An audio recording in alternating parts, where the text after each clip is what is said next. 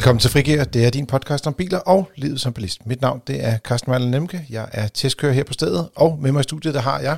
Yasser Abaiti, teknisk konsulent i FDM's rådgivning. Og Dennis Lange, chefkonsulent her i huset, og hvad er det, du plejer at sige? Chefjurist i podcasten, er det sådan der? du kan godt få lov til at blive opgraderet til chefjurist i dag, men normalt er du Ah, kun husjurist. husjurist. Undskyld, ja, husjurist. Never mind. Vi har øh, i dag selvfølgelig tre korte nyheder, som øh, sædvanligvis bliver måske mellemlange eller til dels meget lange. Så har vi øh, et øh, tema i dag, der handler om gode vaner i trafikken. Vi har fået opsamlet ni gode vaner i trafikken. Vi kommer til at tale lidt om i dag. Så øh, har jeg fået lov til at køre en tur i en, øh, det, der bliver en elektrisk taxa i Danmark. Og så slutter det selvfølgelig af med et par lytterspørgsmål fra jer, kære lyttere. Har du nogle af dem, så kan du sende dem til podcast.fdm.dk. Men allerførst så starter vi med nyhederne ekstremt langt. Det er Dennis. Skal jeg starte? Ja, fordi vi, vi, vi, vi går head on på det, som vel nok har været den største nyhed i den her uge inden for øh, elbils lademarked. Det må man sige. Øh, en nyhed, der har gjort mange folk lidt øh, sure og lidt øh, desillusionerede, tror jeg, man kan kalde det. Øh, det er nyheden om, at øh, Clever øh, per onsdag morgen har varslet, at øh, de sætter priserne op øh, fra 1. juni indtil videre i fire måneder, men øh, who knows, hvor længe det skal være.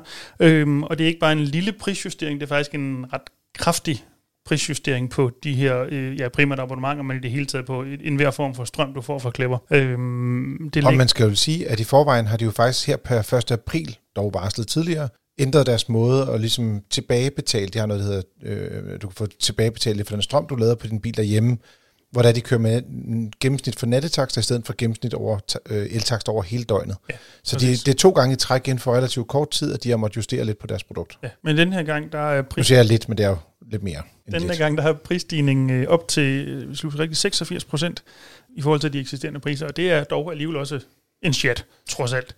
Det svarer til, hvis du har det abonnement, der koster 7,49 om måneden, øh, hvad mange har. Mm. så ryger det op i, øh, i 1094 for det konkrete abonnement. Det, det er et, et ladeabonnement til elbiler, hvor man Ja. kan lade frit ude på farten, og så kan du lade derhjemme også, hvor du får Ja. noget tilbagebetaling. Præcis, præcis.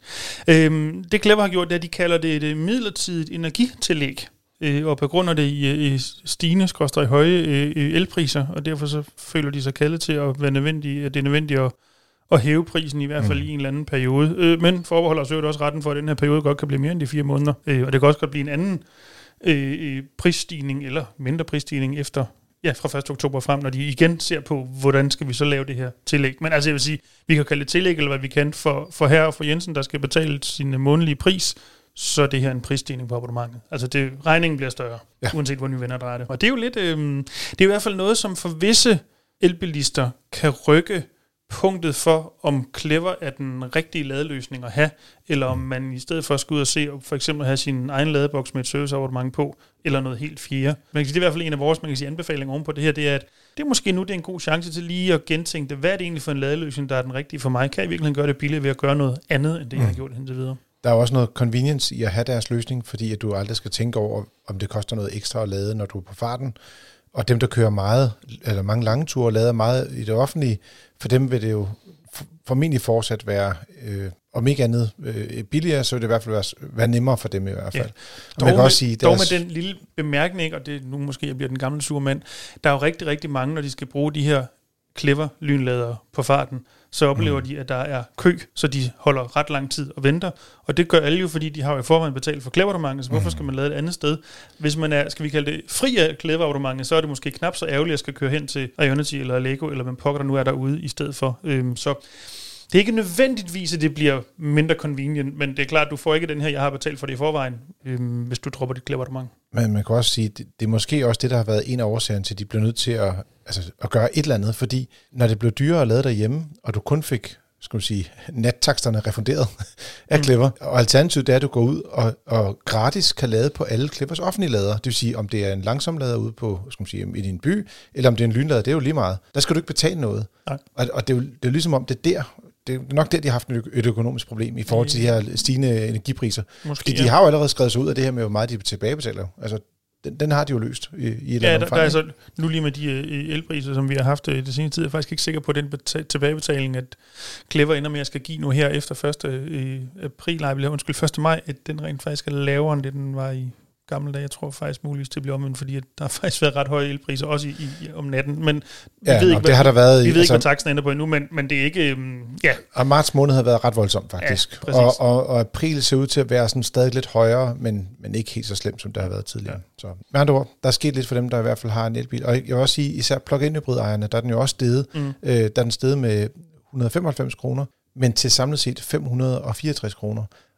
Det er lidt begrænset, hvor meget du kan lade på en, en plug-in hybrid. Og jeg tror, for dem vil der være flere, der vil være i det der, skal man sige, en overvejelse om det bedre kan svare sig, og, og ligesom at, at få en anden ladeløsning, hvor man får refunderet sin, øh, sin øh, skal man sige, strømafgift i stedet for, fordi at du som plug-in hybrid ejer ikke er så motiveret til at lade i det offentlige ladenetværk, og dermed ikke får glæde af det her, af de mange ladestander, som, øh, som Clever har ude i, i det ganske land, og normalt bare vil lade derhjemme i stedet for. Yes. Men der er en, øh, man kan sige, der, der, der er mere i den, det vi lige sidder og snakke. Der er nogle muligheder frem og tilbage, man gøre det ene eller andet, men gå ind på vores hjemmeside, ftm.dk, og, og læs om det, eller for den sags skyld. Øh, øh, man skulle gerne få en, en mail fra Clever om det her, øh, øh, hvis man er ramt af det, øh, og så er jeg sikker på, at Clever kan, skal, øh, forklare, hvad der er op og ned i det, hvis det endelig er. Men, men man kan også finde hjælp på vores hjemmeside. Du- Nu har du lige sagt, at du øh, er selvproklameret chefjurist i dag, ikke? men øh, jeg vil dog sige, jeg har også talt med nogle af vores andre øh, jurister Ja, det er så fint. Øh, og, og de sagde, at øh, hvad det, den måde, de har varslet det på, og den måde, de har gjort på, er ikke, altså, den, den, er, den følger, skal man sige, øh, øh, bogen. Altså, de, har- de har ikke gjort noget, som, som er forkert eller ulovligt. Nej. Øh, og, og de har gjort det med et langt varsel, og de giver faktisk nogle mulighed for at sætte abonnementet i bero, hvis man ikke ønsker at have det i en periode. Og der kan du faktisk fortsat bruge deres ladeboks. Så jeg synes, de har, man kan ikke sige, at de har været large, fordi de har løftet prisen kraftigt, men ja. de giver dog nogle muligheder for, at du kan komme igennem det her på en, en fornuftig måde som, som elbilist eller som plug-in hybrid ejer. Ja, man kan sige, ud fra sådan et juridisk perspektiv, der hvor det bliver særlig interessant, det er, hvis man er relativt ny mm. Clever-kunde, og stadigvæk er i den her 6 måneders øh, bindingsperiode. Ja. Fordi så ligger det ikke nødvendigvis til højre ben, at de rent faktisk kan hæve prisen. Men, men hvordan den lige øh, ender, og hvordan Clever vil håndtere den del, det, det er uafklaret endnu, men der er potentielt et issue der for den gruppe kunder. Check. Men som sagt, som Dennis sagde i hvert fald, gå ind og læse på FDM.dk, så kan du læse lidt mere omkring betingelserne der, og er du FDM-medlem og ikke rigtig fået svar på dine øh, spørgsmål der, så er du selvfølgelig velkommen til at kontakte vores rådgivning. Ja så, Mm hvad har du, øh, hvad er du faldet over i den her uge? Altså, jeg har en rigtig kort nyhed. Og lyder ikke, godt. Og ikke en kort nyhed, men en rigtig, rigtig kort nyhed. Vi, vi tager Jeg har ultrakort. faktisk næsten allerede ødelagt nu. Ja. Nu har du allerede fortalt halvdelen det, af var, nyheden. det var bare ikke en kort nyhed. Det var, det var mere det, jeg prøvede at understrege. Men øh, jeg har en, øh, en nyhed om, at øh, iOS U5, den er på vej til at blive opdateret. Og øh, det betyder, at, øh, at den her øh, udskældte øh, etfaset øh, onboard charger, som bilen er født med, mm. jamen den blev så opgraderet til en trefaset øh, onboard charger. Og det betyder, at man kan få strømmen øh, ganske hurtigt. Altså det tager øh, syv timer, hvorimod førhen så tog det Øhm, der tog det op mod 20. Mm. Så, så det er en rigtig god øh, nyhed til dem, der kigger efter en sådan bil. Man kan jo sige, nu kan den så derhjemme lade lige så hurtigt, som næsten alle andre almindelige elbiler også kan. Næsten. Ja, Ja, der, der er stadig nogen elbiler, nogle som få, lader på som- en ja, ja. fase, ikke? Så, Men, øh, men normen er tre faser i dag, tror, tør jeg godt sige. ja, altså ja. På, på nye modeller i hvert Ja, fald. ja, ja. jo. præcis. Ja. Øh, Udover det, så har de også øh, givet øh, mulighed for, at man kan retrofitte et øh, anhængertræk, altså øh, sætte træk på biler, de, som allerede er solgt. Eftermonteret, tror jeg, det er Lige er. præcis. øh, eftermontering af træk øh, på, øh, på biler, som er solgt i 2021. Jeg er, bare, jeg er bare glad for, at du ikke kalder det retro-modding, eller noget af den stil, bare for at være ekstra fresh. ja. Hvor meget kan man Nej. så trække, hvis man får sat et, øh, en krog på? Jamen, øh, op til 1500 kilo med øh, bremser, og øh, jeg mener det er 700 uden. 750. 750 uden. Check. Og så øh, koster det en lille prisstigning på, altså bilen har fået en prisstigning på 15.000 kroner. Så det skal man lige være ops på. Men, øh, men det er faktisk en, øh, en god nyhed øh, at gøre bilen mere brugbar. Ikke så god nyhed for dem, som har sådan en i forvejen måske. Øh, men øh, Det med øh, vægten på anhængertrækker, for jeg skrev øh, testen af den, vi har tester bil inde på vores hjemmeside. Øh, den er, øh, jeg vil sige, det er ikke en bil, der imponerer så voldsomt. Og det er ikke kun øh, ladehastigheden, som ikke er så imponerende. Men hvis man har lyst til at, at lære lidt mere omkring de andre negative sider, der er ved den bil, så kan de gå ind og læse øh, hvad er det, øh, biltesten inde på fdm.dk. Altså, jeg, Øhm, jeg var ude og køre i den, dengang jeg havde den til test, Ja. ja. og det er halvt års tid siden, det nu var. Jeg siger ikke, at det er en perfekt bil, og slet ikke med hele det her indfase, som den Mm. oprindeligt var. Men jeg kunne godt lide den på en eller anden måde alligevel. Den var sådan lidt men Dennis, du er også rustik charmerende, Altså, tror du- jeg, jeg vil kalde det. den der quir- quirky. Ja, det er, det er nok der, vi er. Det er nok der, og, vi er. og det er jo det, der tiltaler dig, Dennis. Ja, det, Ja, er det- jeg skulle det sige, det er det. lige der, du Det er er lidt mærkelig, hvad det angår. Det, Men igen, stikker lidt jeg, jeg på ingen måde påstår, at det var en perfekt bil, der ikke havde nogen fejl. For, jo jo, bevares. Jeg kan godt lide den. Jeg siger, en rækkevidde om vinteren på 218 km, Ja. ja. ud af de 400, den Ja. burde have på motorvej dog. Ja. Ja. Men alligevel. Potato, Ja. ja. potato. Men og, og, en, og en, ræk, en, en rækkeviddeberegner, der på ingen måde tager hensyn til noget som helst forbrug, udover at du kører øh, altså, øh, med en elmotor. ja, ja. Det er også små ting. Det er også små Jamen, ting. enig. Hver tur starter med 400 du får, en km. meget, du får meget stor bil for pengene. Altså, du, der er Ja, og kæmpe meget plads i den, vil jeg så sige. Ja. Præcis. Men jeg vil bare sige, at øh, der var øh, en periode, hvor det var 760 kilo eller sådan noget, den måtte trække med bremser, men så løftede det faktisk til 1500 kilo før øh, det her, den her nye model er kommet, mm. øh, skal man sige. Men der kan det godt være, at det anhængertræk skulle være monteret fra fabrikken af allerede. Så, men mm. jeg vil sige, at der er nogle biler, der har kunne trække 1500 kilo før. Yes. Min øh, lille nyhed, øh, den er Mitsubishi, der øh, gør et overraskende comeback. Man kunne fristes til at kalde det et bilmærke, der nægter at dø. Sådan et uh, on, on, on again, off again forhold. Jamen, det er helt sort. Altså, det er sådan et, nu stopper vi med at importere Mitsubishi. Nu starter vi igen. Nå, okay, nu, nu laver vi det med plug-in hybrid. Nå, nu kommer Space Star også. Og det er jo deres lille, øh, ja, kan, man- jeg tror, de kalder den en minibil, men reelt er den Nej, de vist nok holdt op nu, synes jeg, jeg øh, øh, spottede et eller andet sted. For det rigtige. Sidst den var der, der insisterede de på, at det var en minibil, hvad det nok ikke var. Og nu Ej, tror jeg måske lidt, de har erkendt, at det nok nærmere en mikrobil. Ja, det, jeg vil sige, den, den er i det segment, der næsten allerede er ved at være øh, væk. Og du har ret, at de omtaler det selv, som den tilhører mikrobilssegmentet. Mm.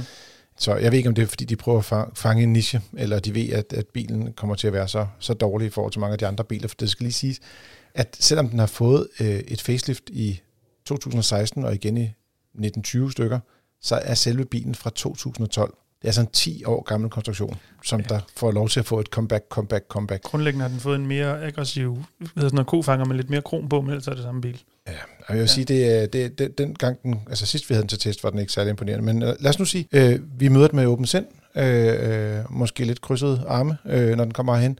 Men øh, det bliver spændende at se, hvad der øh, kommer på markedet. Og, og der er jo stadigvæk nogen, der, der gerne vil have en bil, som bare kører på benzin. Ja. Altså det er jo i hvert fald sidst, hvis det ikke var forrige gang, den var her, den havde i hvert fald en periode, hvor den faktisk var relativt populær. Primært fordi, at prisen var ganske lav. Ja. Øhm, så det er jo også, jeg tænker, det afhænger lidt af den her gang, hvad prisen bliver, om den får gensucces, eller om den ikke gør. Ja, du kan sige, de, de havde faktisk en pris øh, dengang øh, på omkring, altså en frapris på 90.000 kroner. Mm. Det, er jo, altså, Og det var også billigt dengang. det findes der jo ikke nogen biler, der koster i dag. Jo. Nej, Og nej, ikke. Det er heller ikke sikkert, at de kan komme så langt ned med de nye bilafgifter, der kom Nej, Ej, her for ja, godt halvandet år siden. Ikke? Så det er ikke sikkert, at man kan få lov til at, at presse den helt så hårdt ned. Men lad os nu se. Det, det bliver spændende. Det, det kommer fra en koncern, der i forvejen er god til at lave slagtilbud. Så det kan jo være, at de kommer med en glædelig økonomisk overraskelse, hvad det angår.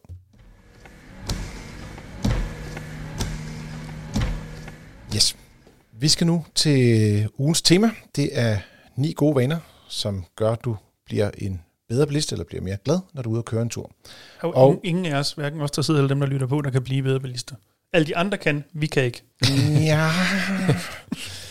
Er det nu også sådan, Dennis? Nå, undskyld, jeg afbrød dig. Det skal du ikke sige undskyld for. Det, fordi det er jo lidt det, der er det interessante, fordi når man sådan læser igennem de her, øh, så jeg, jeg har sådan bare tænkt sådan lidt, hvad er det, man sådan føler, at man husker at gøre, eller hvor føler man ligesom, man rammer rent ind på de tips, og hvor er det, man tænker, altså enten, øh, det kan jeg slet ikke det der, eller øh, der dumper jeg med et brag, eller øh, der er jeg helt bag om dalsen, øh, eller det kunne jeg bare godt tænke mig at være så godt et menneske, jeg også kunne finde ud af øh, at pakke bilen rigtigt, eller hvad det nu end er. Men er der nogle af, nogle af de her ting, øh, jeg tænker lidt, hvis, hvis du som lytter gerne vil øh, lære noget om det her, bliver nødt til at læse alle de ni gode vaner. Det er, det er en li- lidt længere artikel, så vi kan ikke gengive det hele herinde, men vi kan jo tale lidt omkring de vaner, som vi selv er faldet for, øh, enten fordi vi synes, vi er skide gode til dem, eller også fordi vi synes, vi stinker. Mm. Så lad os tage de gode først, så kan vi tage det der sjovt bagefter. Okay. Super. Hvad er du god til, Carsten? Hvad jeg er god til? Mm. Lad os starte der. Jamen, jeg tror faktisk, i virkeligheden, så er det øh, sådan nogle ting som at, at pakke rigtigt. Det er sådan noget, øh, en eller anden årsag. Det er, øh, Jeg skulle til at Færgeture eller sådan sige noget. køre sidelæns. Det er du da meget god til. Men det er ikke det er bare ikke nogen af dem, der er her. øh, det er lidt låst til øh, FDM Jyllandsring, FDM Sjællandsring også. ja, så. Nå, okay. så øh, men øh, ja, det er sådan nogle ting, som at sørge for at øh, have tingene liggende de rigtige steder, når man kommer ind i bilen. Har du adgang til en brobis og sådan nogle ting. Altså, nu kører vi jo ofte i forskellige biler, så derfor så øh, brobissen, den sidder ikke et fast Mm. sted, ligesom man normalt vil gøre. Så, så for mig så det handler det om at få fat på tingene, eller øh, at sørge for, at tingene er pakket ordentligt i bilen. Øh, Og så når man tager på ferie, er der også det med tunge ting nede i bunden, og hvordan pakker man bilen øh, fornuftigt. Og, øh, jeg synes, sådan nogle ting når man tager på ferie, jeg synes, det er så irriterende, når, når, når Familien er med. det er simpelthen helt sindssygt med den der familie, der også skal med. Nej, men så, så siger jeg til dem, husk nu, vi skal have en overnatning undervejs, så alt, hvad du skal bruge den dag, det døgn, mm. det pakker du i den her taske. Så vi har simpelthen sådan en, en overnatningstaske, ad, lige man- præcis. Så øh, du skal ikke øh, til at have syv tasker med op på hotellet, du har kun én taske med op på hotellet. Ikke? Så må den være lidt større. Jeg ved ikke, hvad, med, hvad, jer? hvad har I af ting, hvor I synes, I er gode? Altså, jeg, det, bliver meget sådan noget pusse sin egen glorie, det her, ikke? Men den, som i artiklen har overskriften, bliver klar til start, som handler om at uh, sørge for, at uh, telefonen er koblet til bilen, uh, man har indstillet ruten på uh, GPS'en, at musikken uh, kører osv., inden man kører afsted. Det vil jeg jo påstå 9 ud af 10 gange, det gør jeg rent faktisk. Øhm, holder lige stille indtil hele, det hele er koblet op, så at sige, øhm, og indstillet. Så det, ja, det synes jeg egentlig er okay til. Der står også, skiftesko kan også være en god idé, da hverken stiletter eller klipklapper er gode køresko. Er det også en ting, du sådan øh, følger med? Altså, jeg har øhm, aldrig prøvet at køre i stiletter. Nej, det har jeg til gode heller endnu. ikke her. Jeg har prøvet at køre i klipklapper. Det er helt forfærdeligt. Er det forfærdeligt? Øhm, jeg har som regel ikke skibsesko med, men det er fordi, jeg som regel ikke kører i stiletter eller klipklapper. Så har jeg som regel i forvejen en, en eller anden udstrækning gummisko på. Og, ja, så er vi der i forvejen, kan man sige. Det er faktisk en god pointe. Hvad med dig, altså? Jamen, jeg, jeg er selv god til at øh, sørge for, at der er olie på min, øh, på min motor. Så, Hvis du, hvis Så- du ikke gjorde det, hvem Jeg, pokker så sige, jeg- jeg sad og tænkte på, hvis ikke du siger det der, så...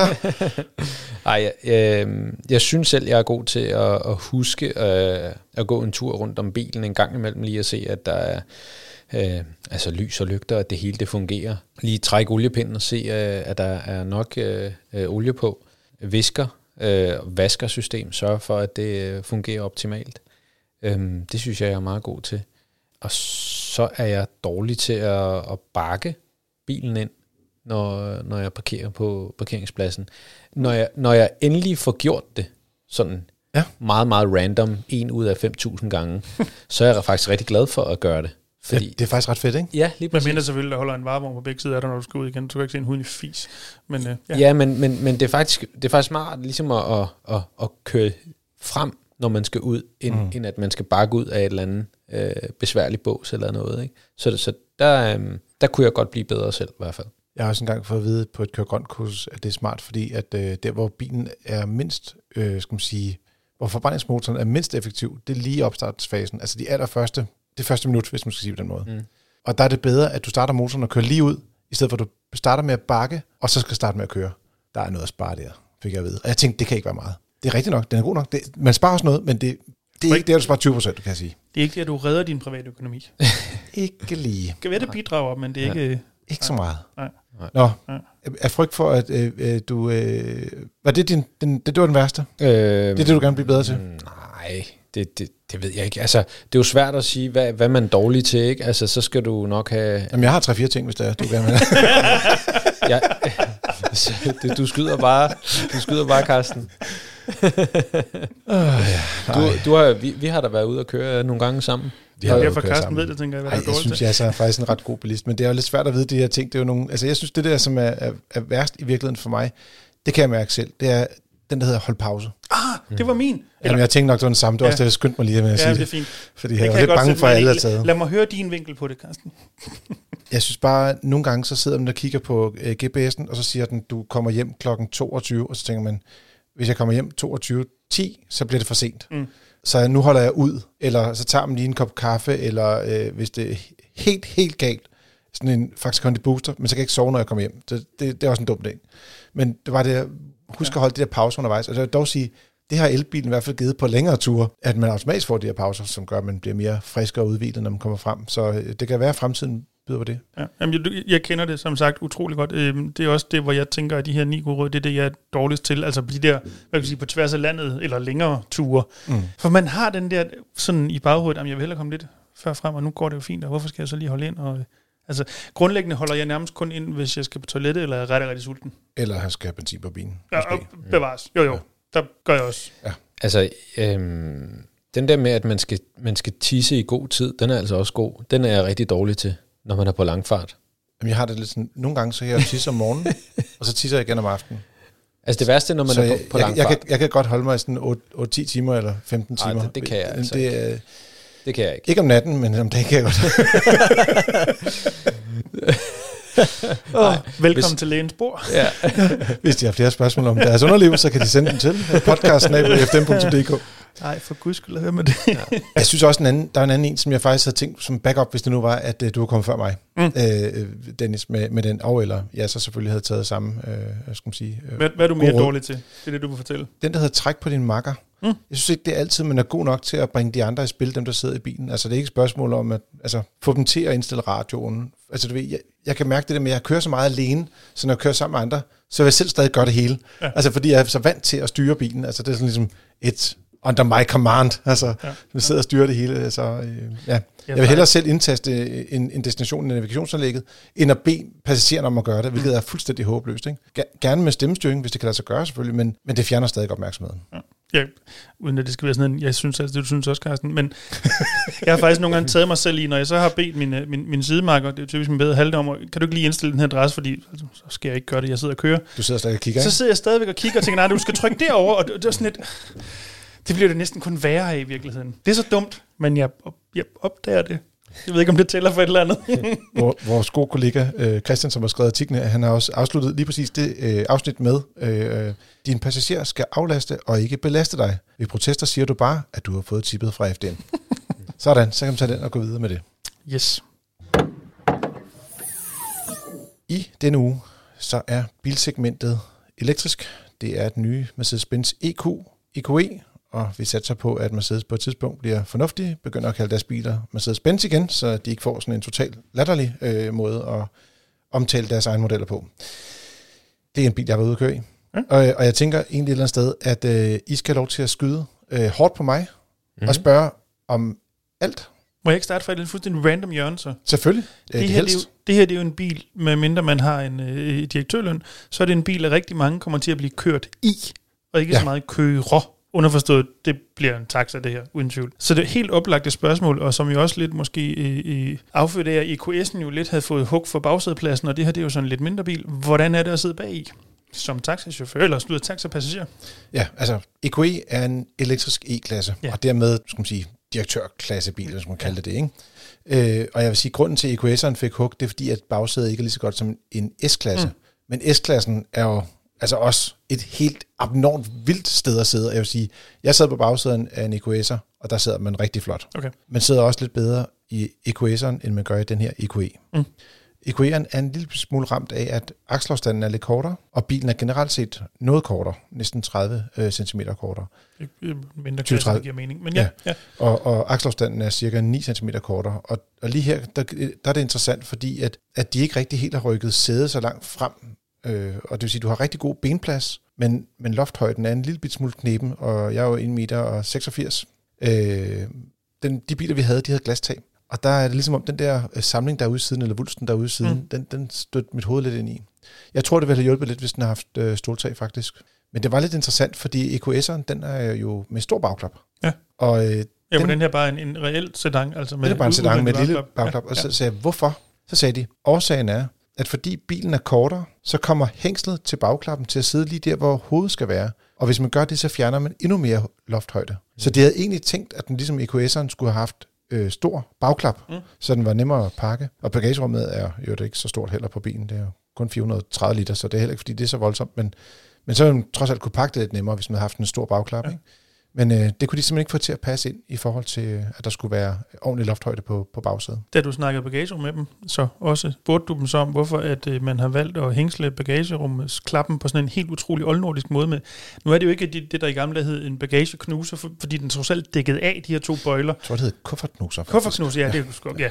Men altså, det er jo dækket af, så du kommer ikke til at smadre noget, men Nej. det tager jo sygt meget plads i stedet for en eller anden form for øh, øh sakse teleskop løsning der kan være sådan lidt mere petit i, øh, udtryk. Jeg kan huske en gang, jeg snakkede med nogen omkring det, hvorfor de havde de her bøjler i det hele taget og sådan noget. Og, og der, der ligger noget i den, den bevægelse, der er i det, at det, giver, det, er sådan, det er nemt at lukke, og du skal ikke bruge så mange kræfter ved, at du har, altså der er noget med en udveksling på, at det, det bliver en lidt længere arm på en eller anden måde, du, mm. du skubber på. Okay. Øh, så jeg går ud fra, at det er derfor, de har valgt den her løsning. Altså. Sådan så det også ud på de gamle nitræer, Saaberne, kan jeg huske. Det fungerer bare. Dennis, men det, men det, det stiller bare plads, det er egentlig bare det, der var min pointe. Altså, ja. du tager lige nogle liter i hver side, fordi du skal have afdækket fra den her bøjle, der så skal glide ind et sted. Mm, Ja. Det er rigtigt. Ja, ja. Ja, så du har sikkert øh, nogle øh, el-spørgsmål, der, der trænger sig på. Nej, ikke sådan, jo, jo, oh, altså, lidt, kommer. lidt, lidt, lidt, lidt. Øhm, øh, sådan i forhold til øh, EQS'eren, øh, batteriet, det, det, var, var det større, mindre, same, same, same, eller? Det er sådan, at selve øh, platformen, de er bygget på, mm. er den samme. Og i EQS'eren, der kan du få den med et stort batteri, mm. og, et, og et mindre batteri, eller et lille batteri. Og det lille batteri i EQS'eren, det er det samme, som der er i EQE'eren. Okay. Og det ligger lige på godt 90 kWh. Okay. Øh, og det batteri, øh, det betyder så også, at den kan ikke lade lige så hurtigt, som den hurtige EQS'er, men den lader lige så hurtigt som den EQS, der har et lille batteri. Okay. Fordi det er samme ladeteknologi, mm. og det er samme pakke. Okay. Og det er lidt ligesom, jeg spørger, hvorfor lader den så med, den lader med 170 kW, og det er ja. 400 volt teknologi, så det, det er faktisk pænt. Mm. Øh, vi kunne ikke se ladekurve, vi har mulighed for at lade bilen, så vi glæder os til at få den til test selvfølgelig, når den mm. kommer her i løbet af, ja, af sommeren øh, herhjemme i Danmark. Øh, men jeg vil sige, det, den kunne lade ret godt, da vi havde en EQS'er. Der kunne den lade ret stabilt med 200 kW, så jeg, min, min formodning er, at den kommer til at lade med 170 kW ret længe, faktisk. Så det er til nærmest reelle 170 kW, hvis man kan sige det sådan? Ja, i, i hvert fald i det første kvarters tid. Ikke? Ja. Så, Hvordan ser du med rækkevidden i øvrigt? Øhm, Apropos række, batteri. Ja, altså rækkevidden, den ligger øh, op i størrelsesorden. Altså, de har nogle forskellige øh, udgaver. Mm. Og det er sådan, at øh, basisudgaven, sjovt nok, er, er den, der kører øh, længst. Og øh, der er øh, rækkevidden på 645 km, som jeg husker det øh, i hovedet. Vi mm. krydstjekker, alt er godt. Og jeg kan huske, de stod og, og fortalte om den her EQE, om hvordan de havde gjort, hvad de kunne, men fordi den havde sådan, den var lidt kortere, så kunne de ikke lave lige så god aerodynamik, for EQS'eren havde jo den bedste aerodynamik. Mm. Men EQS'eren, den kører 20 km kortere på en opladning med det samme batteri. Så det er sådan lidt, det kan godt være, at du har god aerodynamik, men hvis du har en stor bil, så har du også bare en stor ja, bil nogle gange. Ja, ikke? lidt mere vægt, der skal flyttes alt andet lige, hvis det er en større bil. Ikke? Ja. Øh, og man kan sige, øh, den her kombination af, af skal man sige, i hvert fald officielt meget lang rækkevidde, øh, og så har den også øh, to, næsten 300 hestekræfter. Den har en topfart på 210, det havde vi faktisk mulighed for at køre, det var, det var nede i Frankfurt. Mm. Så øh, ja, 207 tror jeg nok, jeg fik indikeret på speedometer. Super stabil bil. Altså der var ikke noget der. Den var meget, meget behageligt at køre hurtigt i, men den bruger også rigtig meget strøm. Så, ikke? Ja. så det er der nok ikke så mange, der vil bruge. Den bliver vel på mange måder oplagt konkurrent til en uh, Tesla Model S, til trods for, at uh, Model S jo vil være en gammel bil efterhånden, hvad den fra 12, 12, eller sådan noget. Ja. Mm. Ligesom, øh, øh, hvad er det, Mitsubishi Space Star. Uden sammenligning, ja, Bare elektrisk og benzin, ikke? Men hvordan er den så i forhold til den oplagte konkurrent, jeg ved godt, vi kan finde andre oplagte konkurrenter ja, også, altså, om ikke om lidt. Men, øhm. Det, der er meget spændende, det er, at øh, de har jo lige givet et facelift til Model S, som ja. vi ikke har fået herover endnu ja. i en plate-udgave. Og det, som Tesla kan, det er, at de kan producere biler, der er ekstremt hurtige. Og mm. de er også hurtige i acceleration, og de har også større batterier. Og jeg tror også, at deres... Det, det, det bliver spændende at se, om, hvem der har den længste reelle rækkevidde. Ja. Fordi der kommer Tesla til at have lidt større batterier. Jeg tror, det kan give dem kanten her. Ja. Måske Men næsten 10 kWh Jeg synes, at når man sætter sig ind i en Tesla, især i sådan hvordan skal jeg formulere det her pænt? Man kan godt mærke, at man sætter sådan en amerikansk bil, sådan på hvordan det føles. Ja. Kan man tilsvarende godt mærke, at man sætter sådan en tysk bil her? Jamen, der er ikke nogen tvivl om, at, at Mercedes de har virkelig vil bygge en, altså man sige, at deres elektriske biler skal føles som deres andre biler. Mm. Og de har jo ligesom, øh, er det ikke deres auto, de kalder det, eller sådan noget? Nej, det, det, det, det, er Volkswagen. Det, det er Volkswagen. ja, ja, ja. Det er deres bedste Udernix, kalder de i Tyskland. Mm. Så det skal, og, og det er lidt det der med, at de vil gerne have løftet tingene op på det højeste piedestal et eller andet sted. Og det kan man godt mærke, når man kører bilen. Altså, det, det er en rigtig lækker bil, og den er meget stille. Nu skal man passe på, når man er ude og flyve og sådan noget, med ørerne, og hvad man kan høre. mm. Men, men er det, øh, jeg vil sige, der var næsten ingen støj i bilen. Altså virkelig, virkelig øh, meget lavt støjniveau i bilen. Og så der, har du også den der mulighed for, at du kan købe stort set alt i ekstra udstyr. Altså, du kan vælge, altså de har også nogle øh, helt nye øh, forlygter, og ja, så du vil øh, elske noget, med, med, hvor det er, de har, jeg kan ikke huske, det var øh, 5 millioner pixels eller sådan noget, mm. hvor det er, de, de, kan, de kan lave ligesom et, øh, en fodgængerfelt med, med forlygterne og sådan nogle ting. Altså de kan lave, mm. de har bare noget teknologi, som bare siger bare to på en måde, hvor det er, at det, der har amerikanerne ikke helt samme styrke, fordi de ikke har bygget biler lige så længe, og de mm. ikke har udviklet teknologien i forvejen. Mm. Så jeg vil sige, de kan noget. Ja. Altså, jeg har prøvet, jeg har prøvet EQS'eren, da, da vi havde den mm. øh, herinde, og, og nu har jeg prøvet en del biler efterhånden, ikke lige så mange som du har, Karsten. Men jeg synes, altså, jeg synes, den er møggrim. Ja. Øh, indvendig er den super fed. Øh, virkelig øh, høj kvalitet og kvalitetsfornemmelse. Og så tror jeg aldrig, jeg har siddet i en mere komfortabel bil. Jamen det, jeg, jeg vil sige, EQS'eren var, det var en dyne af velvære. Ja. Altså, det var helt vildt, så altså, lækker den var at køre langt i. Så jeg vil sige, hvis folk skal have en bil og køre mange kilometer, så vil jeg vælge sådan en bil, og så parkere den med næsten meget tæt her? på et eller andet, som ikke kan se den. Men hvordan er den her i forhold til EQS'eren? Altså lige, øh, lige, ja. lige, på det, på, lige på det punkt. Jamen, øh, Testbilen havde så også øh, fuelstyring, og det tror jeg faktisk også, øh, den EQS'er, vi Det havde, den. sidste også havde. Øh, og, men man kan godt mærke lidt det der med, at du har lidt kortere akselafstand. Den føles mere sådan dynamisk og bevæger sig lidt mere, men du har stadig god komfort i den. Øh, vi havde også luftaffjedring på bilen, det vil jeg helt klart vælge. Og man vælger det der, øh, skal man sige, fuelstyring.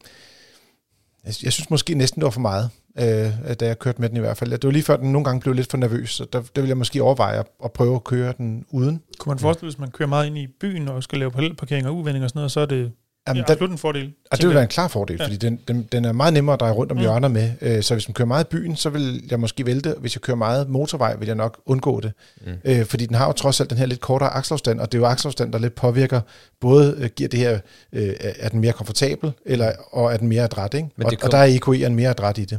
Og det er også spørgsmålet, når den så kommer i både en fire- og en tohjulstrukken bil, om, om aks- akselafstanden, eller undskyld, vendradiusen er den samme. Fordi som regel, så, så er der nogle tejeaksler, der gør, at man ikke kan dreje længere ud, end det fysisk er muligt.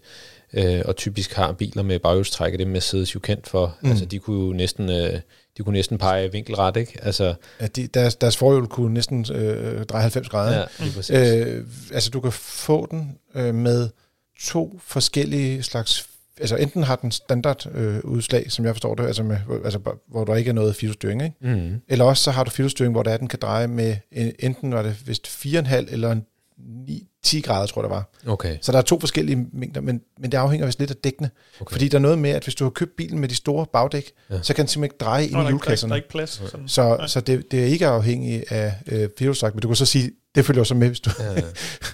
Er det så firehjulstrækket, eller er det fordi, du køber den øh, store øh, variant, der har de store dæk? Mm. Men det- det det, det, skulle være dækken, der afgør det. Men det viser jo igen, altså, at, at det er vigtigt, at når man, øh, jeg ved i hvert fald i, i branchen, jamen, når, når, man, når man sætter dæk på en bil, så er det ikke ligegyldigt, hvad man sætter på. Øh, altså i forhold til bredde, men jeg kan godt gå lidt højere op i tommer, og det kan man godt på den her model, men ikke på den her model. Og alle de her moderne biler med de moderne konfigurationer, som, som, som bilerne er udstyret med, så kan man bare ikke nogen ting på nogle modeller. Jamen, Jeg havde faktisk et spørgsmål fra en ven øh, forleden, som sagde, hvor, hvorfor, øh, hvorfor siger dækcenteret, at jeg skal have sådan en stjerne øh, på, på, hvad er det, på dækket, når jeg, når jeg køber den?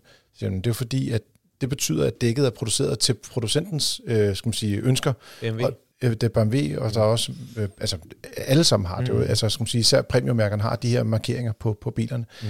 Og, og det er, selvom dækkene hedder det samme, så de er faktisk bygget op lidt forskelligt, Mm. og giver, bi- jeg skal man sige, dækkene giver bilen lidt, nogle lidt andre, øh, skal man sige, De lever op til producentens kriterier. Det er jo ja, så, men, er men jo det giver også nogle andre køreegenskaber faktisk i bilen også, ikke? og måden den, bilen opleves på, og føles mere komfortabel, eller har den mere dynamisk indstyring i sving og sådan nogle ting, og, og Mm.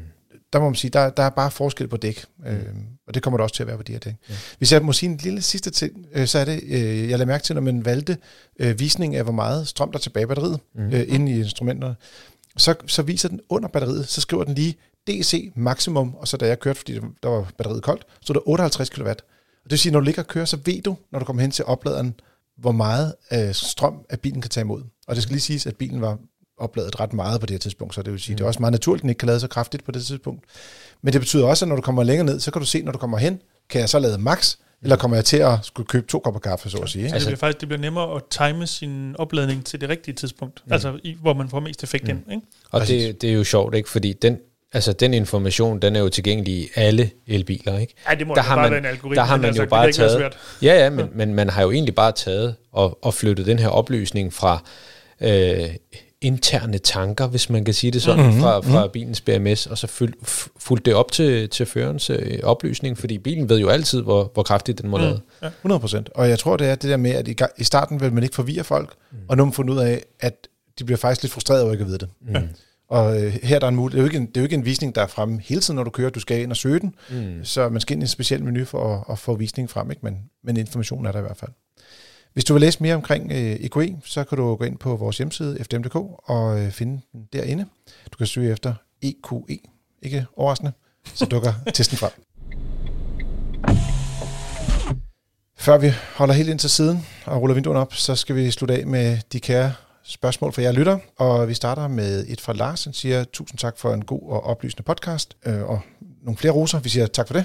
Øh, han har en ældre Peugeot 508 fra 2011 med dieselmotor, og han regner med at køre en 4-5 år mere i bilen. Men han overvejer lidt, om han skal sælge den nu, fordi det er jo sådan lidt, at brugbilspriserne er ret høje i øjeblikket, og der kan også være nogle besparelser ved at have en bil med en lidt lavere ejerafgift, og reparationerne er heller ikke så lave endnu. Så spørgsmålet er, om han skal overveje at skifte bil nu i stedet for, øh, og eventuelt at skifte til en elektrisk bil. Eller skal han fortsætte, som man umiddelbart tænkte, øh, hvad det, at køre en 4-5 år til, at øh, der er mere ro på nybilspriserne, fordi at de nye biler er jo også steget i pris, og så kunne han godt tænke sig at købe en lettere brugt øh, elektrisk bil øh, til den tid, og han kunne nemlig godt tænke sig at have en stationcar eller en stor sedan, og der må man sige, udover Mercedes-Benz EQE, der lige er på vej, så vil sige, så er der ikke så mange af de store sedanger, der er landet endnu. Mm. Hvad, hvad tænker I der? Jamen jeg tænker, hvis, altså nu skriver han ikke noget om, hvor, hvor langt den har kørt, den her bil.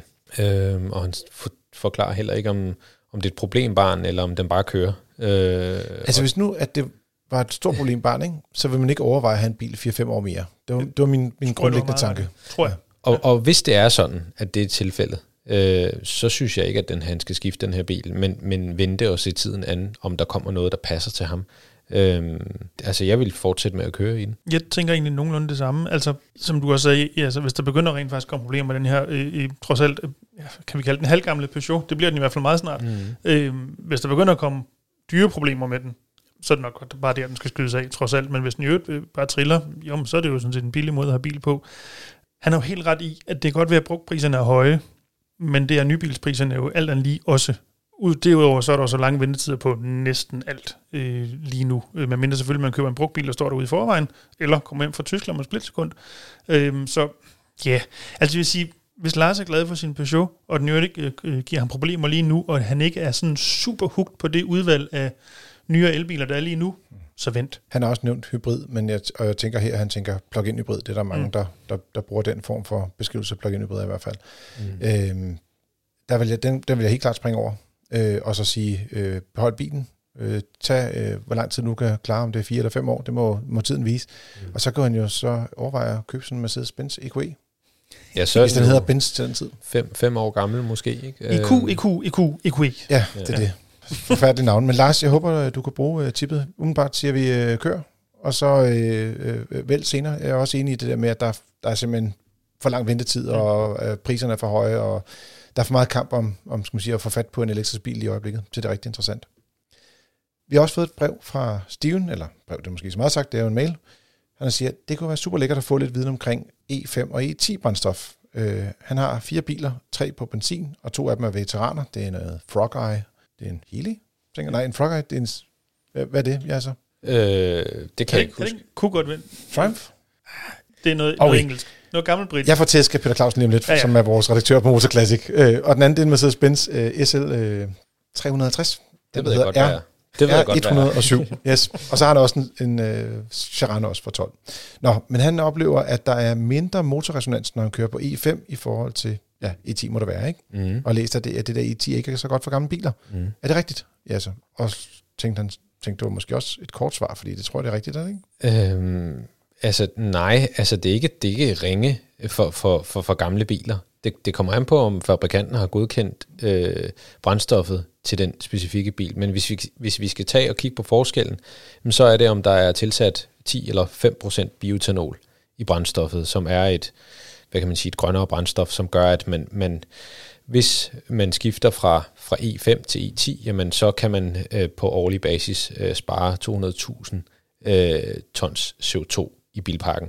Så, og det betyder jo noget, og derfor er det, at man har gjort det her. Øh, mange øh, bilfabrikanter har lavet en, en, en liste til, øh, til øh, brændstofudbyderne, Øh, og der, der har man samlet en liste og, og ligesom sagt, jamen de her biler, de kan ikke tåle at køre med E10 brændstof, så der skal man vælge E5. Øh, og, og typisk så er det jo også sådan, at når det er E5 brændstof, så er oktantallet også højere.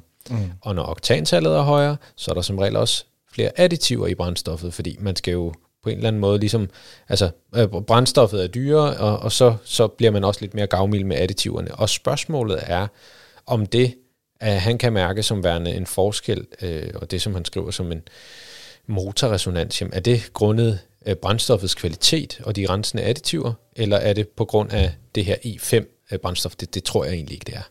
Jeg synes også, jeg har haft samme oplevelse. Jeg, nu har jeg i Master MX-5-universet, og hvis man køber de to første generationer, så skal de køre på de her E5-brændstoffer, ikke E10. Hvorimod fra den tredje generation, så kan du godt tillade dig at køre med E10. Så man bliver nødt til lige at slå op på ens eget bilmærke Lige om man må præcis. køre med det eller ej. Lige præcis. Du lytter til Frigir. Det er din podcast om biler og livet som ballist. Husk at give os en milliard stjerner i en podcast-app og anbefale os til en ven. Det kan hjælpe os lidt mere. Vi vil gerne ud til, til alle og forklare dem lidt omkring, hvordan livet er som ballist her i Danmark. Du kan også sende et spørgsmål til podcast.fdm.dk. Gerne. Jeg vil meget gerne, så vil Jasser og Dennis og jeg gerne svare på dem. Dennis, tak fordi du kom i dag. Tak og lige mod. Og Jasser, tak for din indsigt. Ja, selv tak. Og til dig, kære lytter, tak fordi du lyttede med, og god tur derude.